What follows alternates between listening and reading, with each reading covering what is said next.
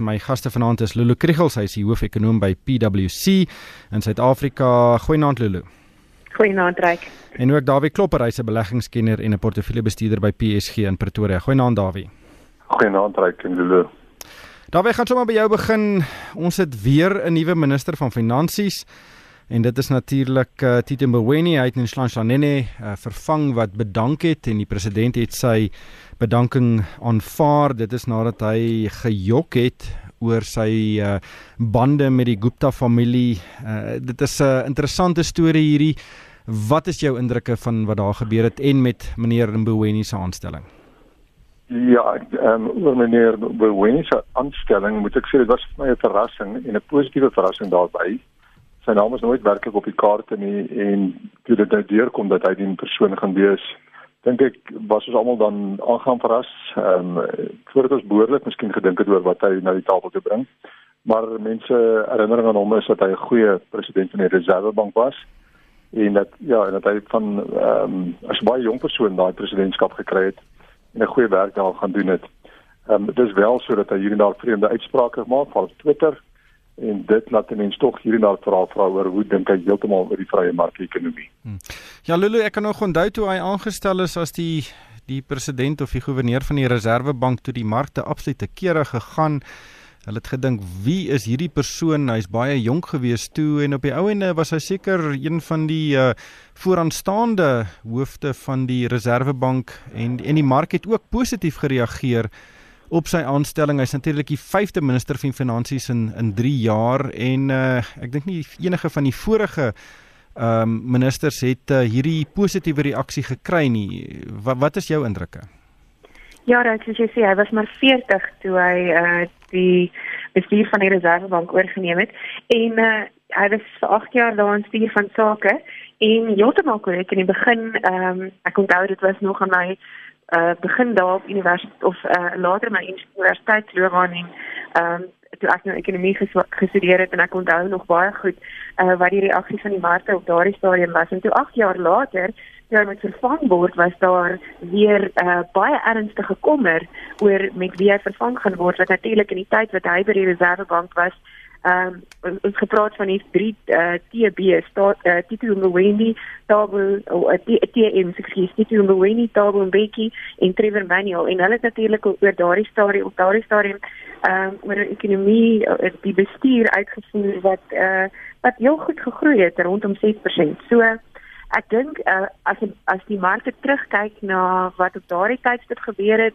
uh, hoe die ekonomie bestuur is, ehm um, is dit is is dit te verstaan dat die positiewe reaksie daar was. Dit was vir my ook 'n verrassing want hy het aan die begin van die jaar gesê hy gaan homself nie weer uh verkiesbaar stel as 'n kabinetsminister nie, maar ek neem aan ehm um, jy weet 'n baie bekommerde uh president Ramaphosa het natuurlik maar seker op sy knoppie gedruk en ek weet die twee van hulle het ook 'n goeie of 'n baie goeie verhouding.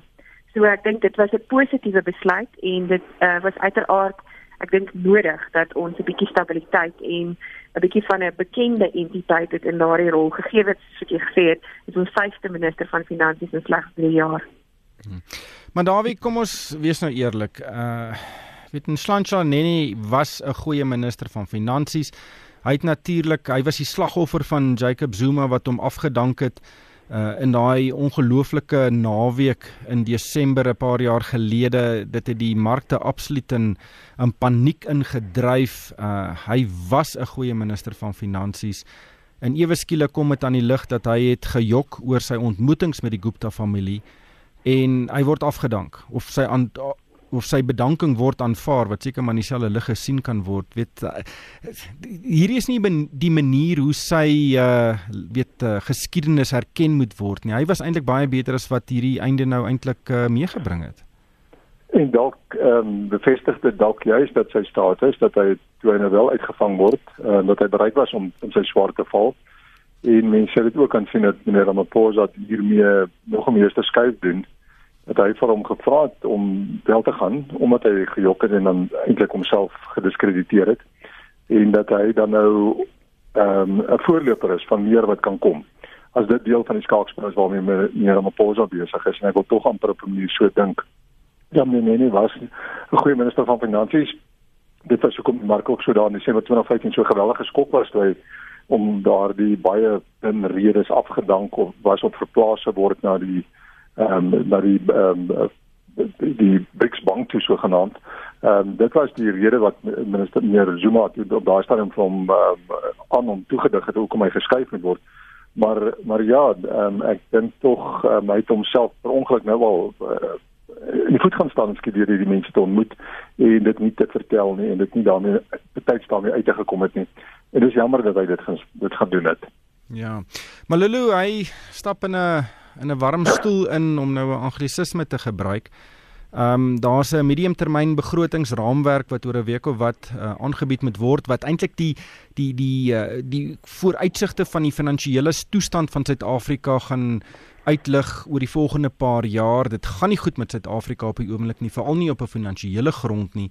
Wat dink jy gaan sy grootste uitdagings wees nou in sy eerste paar weke as die nuwe minister?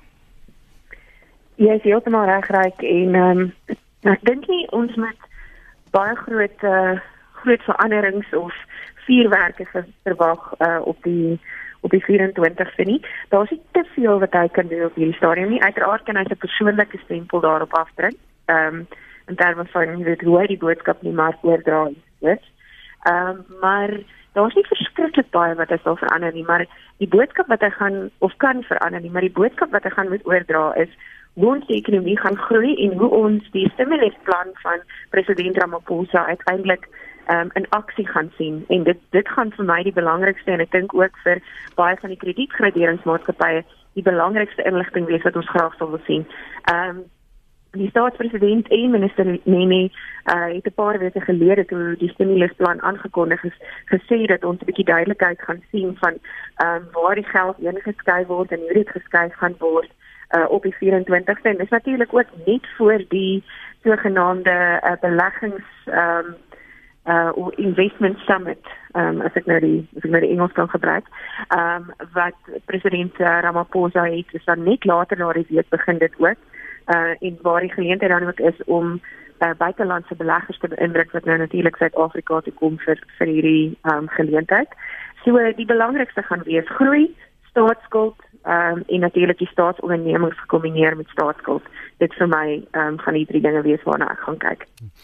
Davie, ons het nou almal gewag vir Vrydag aand Moody's die internasionale kredietgraderingsagentskap wat uh, so 'n belangrike rol in eintlik alle ontleikende markte speel. Um, ons het nog 'n uh, beleggingsgradering van Moody's uh, vir Suid-Afrika. Dis die laaste of die enigste groot internasionale graderingsagentskap wat Suid-Afrika nog ag as 'n uh, op 'n op 'n um, beleggingsgraderingsstandaard en toe kom hulle uit en hulle hulle wou nie eers 'n verklaring uitreik oor Suid-Afrika se uh, graderingsstatus nie wat beteken natuurlik dit word gehandhaaf op die laagste kerf voor die sogenaamde rommelstatus. Wat was jou indrukke oor die feit dat hulle nie eers 'n verklaring uitgereik het oor wat tans in Suid-Afrika aangaan nie? Ja, nou terug. Ehm um, is interessant.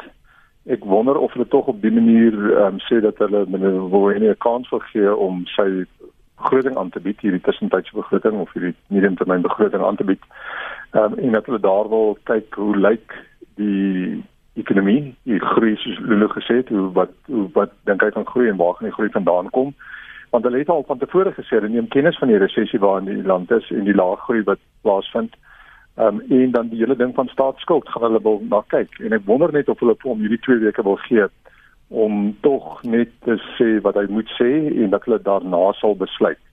Ehm um, want ehm um, verseker gaan hulle uh, is dit 'n ding waaroor hulle bekommerd is dat ons laer belastinginkomste gaan hê, dat ons tekort gaan groter wees as waarvoor ons begroot het en dat hulle daarna ehm um, miskien 'n meer ingeligte aankondiging sal maak. Ek dink dit is miskien groot hulle maar net dan nou wil hulle niks sê nie, maar behoorlik niks sê nie dat hulle nie ehm um, 'n verwagting skep nie en dat ons dan dink ek oor 2 weke dalk hulle finale boodskap gaan kry. Hmm. Lulu, jy weet uh weet jy werk vir een van die grootste konsultasie en en auditgroepe in die wêreld.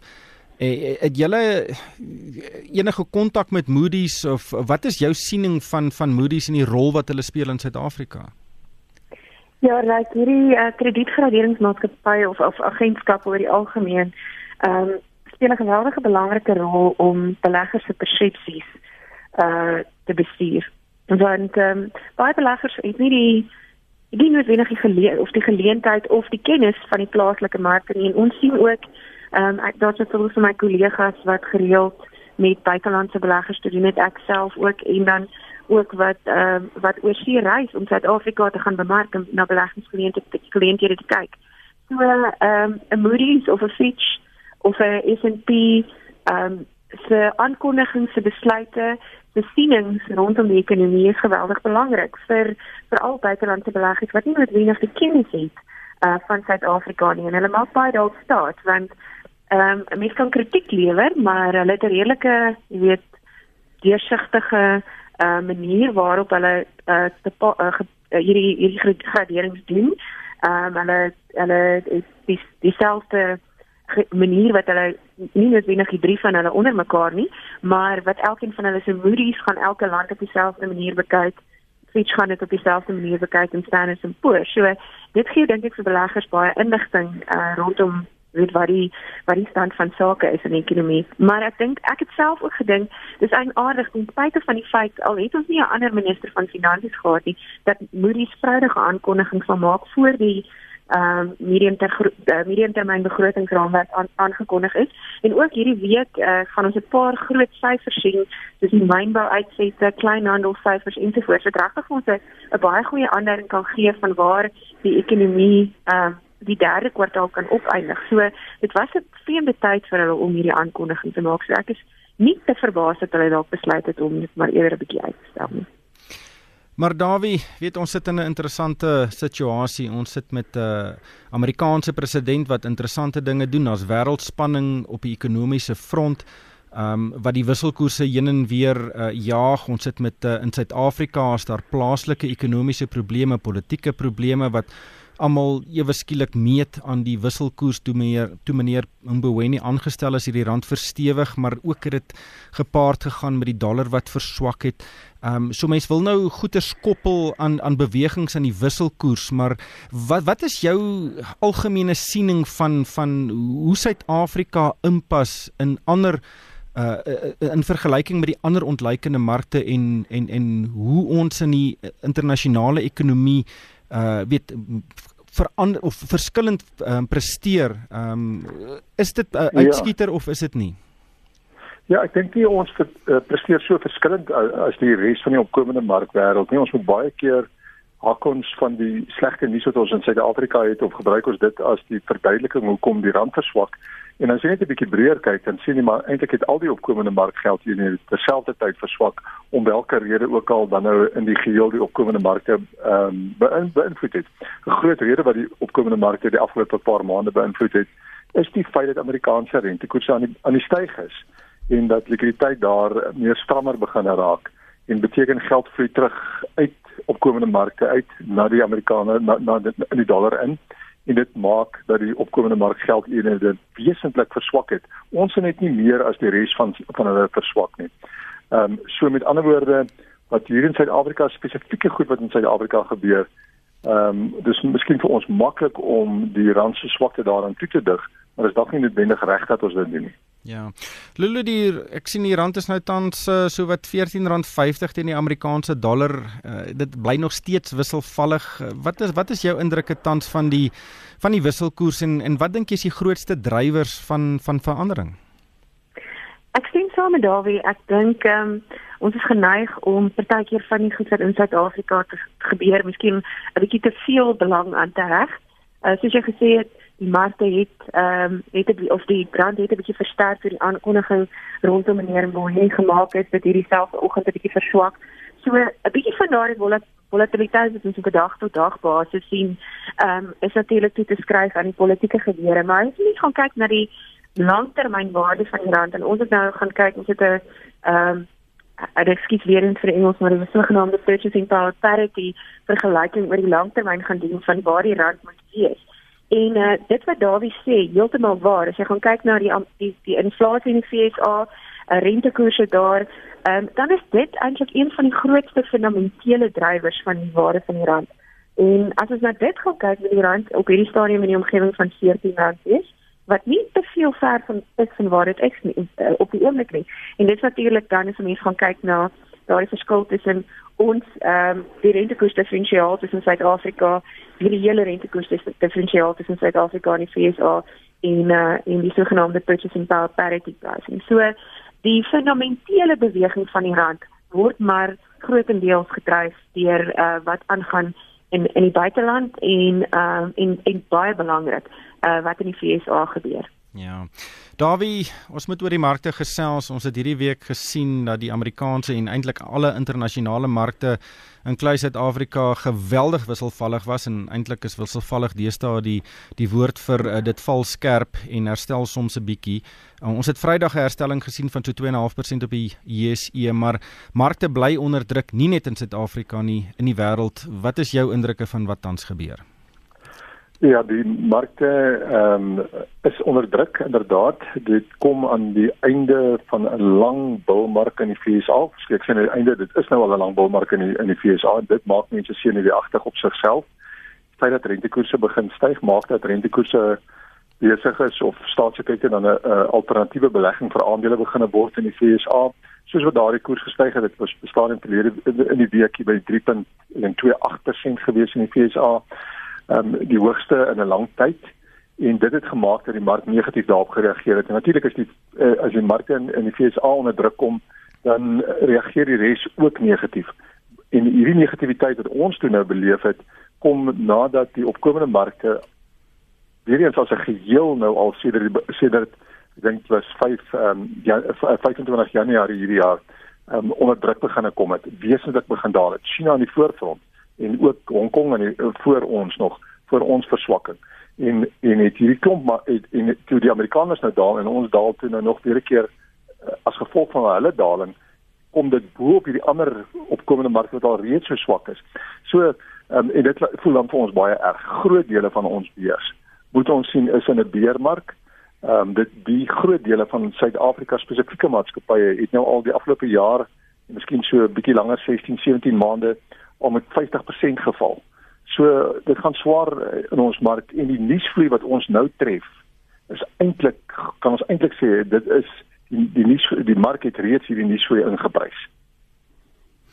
Maar Lulu ons sien nog steeds geweldige wisselvalligheid. Die Amerikaanse rentekoers siklus is relatief voorspelbaar. Hoekom het die Amerikaanse rentekoers siklus so 'n groot impak op ontleikende markte en veral Suid-Afrika? Ehm um, ja, Rein, dit is maar noodsaaklik uh soos ek vroeër gesê daardie rentekoers diferensiaal wat dit dan uiteindelik meer aantreklik maak um, om in hierdie markte te belê um, en terug te gaan jy weet geld om terug te vloei na die FSA toe.